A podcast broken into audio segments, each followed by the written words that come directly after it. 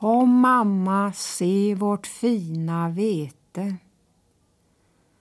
Kom mamma, se vårt fina vete, sade min syster till mamma den dagen hon skulle till Borgholms lasarett för undersökning.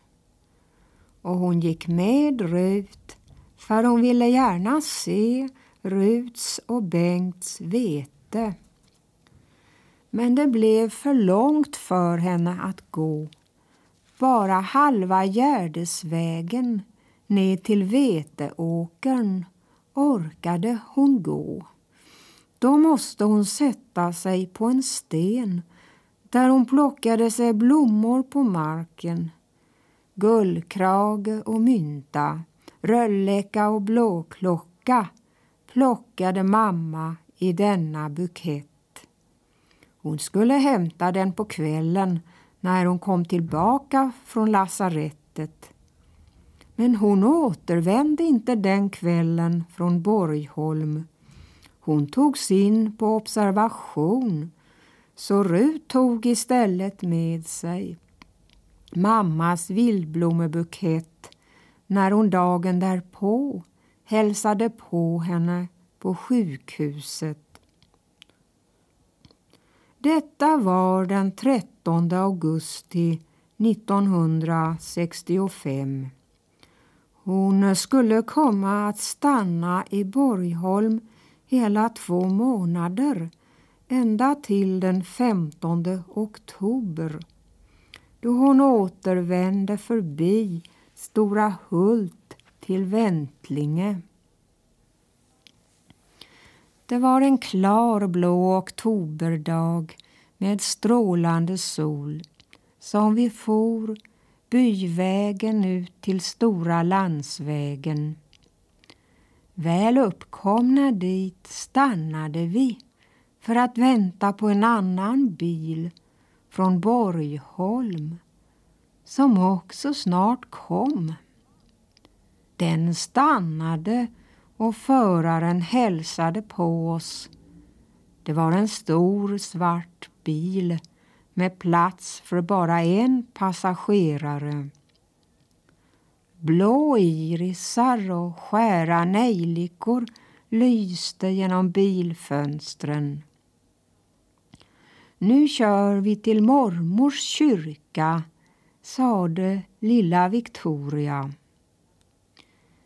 Vi for med 50 kilometers hastighet de dryga fem milen söderut ned till Väntlinge. Det står en del vatten på allvaret. Betlanden är ännu inte halvupptagna. Rågen och höstvetet och rapsen står i fin växt. Kalmarsund lyser blekblått som den muslinsklänning du bar somrarna 33 och 34 då du var 27 och 28 år. Allt detta ser vi nu på vägen vi far, mamma. Vi saktade in våra bilar i Väntlinge och stannade ett ögonblick, kanske två, tre minuter vid hennes gård där den lila klematisen vid det vänstra verandafönstret överglänste den purpurröda klematisen vid det högra verandafönstret i storlek och prakt. Du hade ett tag velat tillbaka hit till ditt hem och vi hade tänkt ordna en resa hit. Själv hade jag även tänkt mig en ambulansresa fram och tillbaka. Men doktorn som jag talade med om detta tvivlade på att du någonsin skulle kunna orka det. Efter några dagar var du också redan så matt att det aldrig mer kunde bli tal om att du åter skulle komma hem. Först nu kom du tillbaka. Vi stod ett ögonblick med dig, kanske två, kanske tre, kanske tio vid din gård.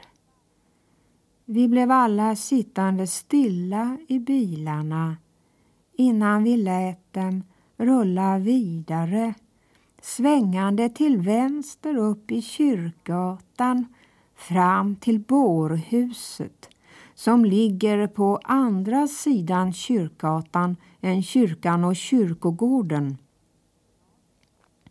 Lars var där och moster Vivan och morbror Hans och Aina. Lars tog upp salmen och läste ur Bibeln. Jag minns inte vad. Men det var även ord ur Saltaren om tröst i död. Mokvist som kört mammas bil öppnade kistan.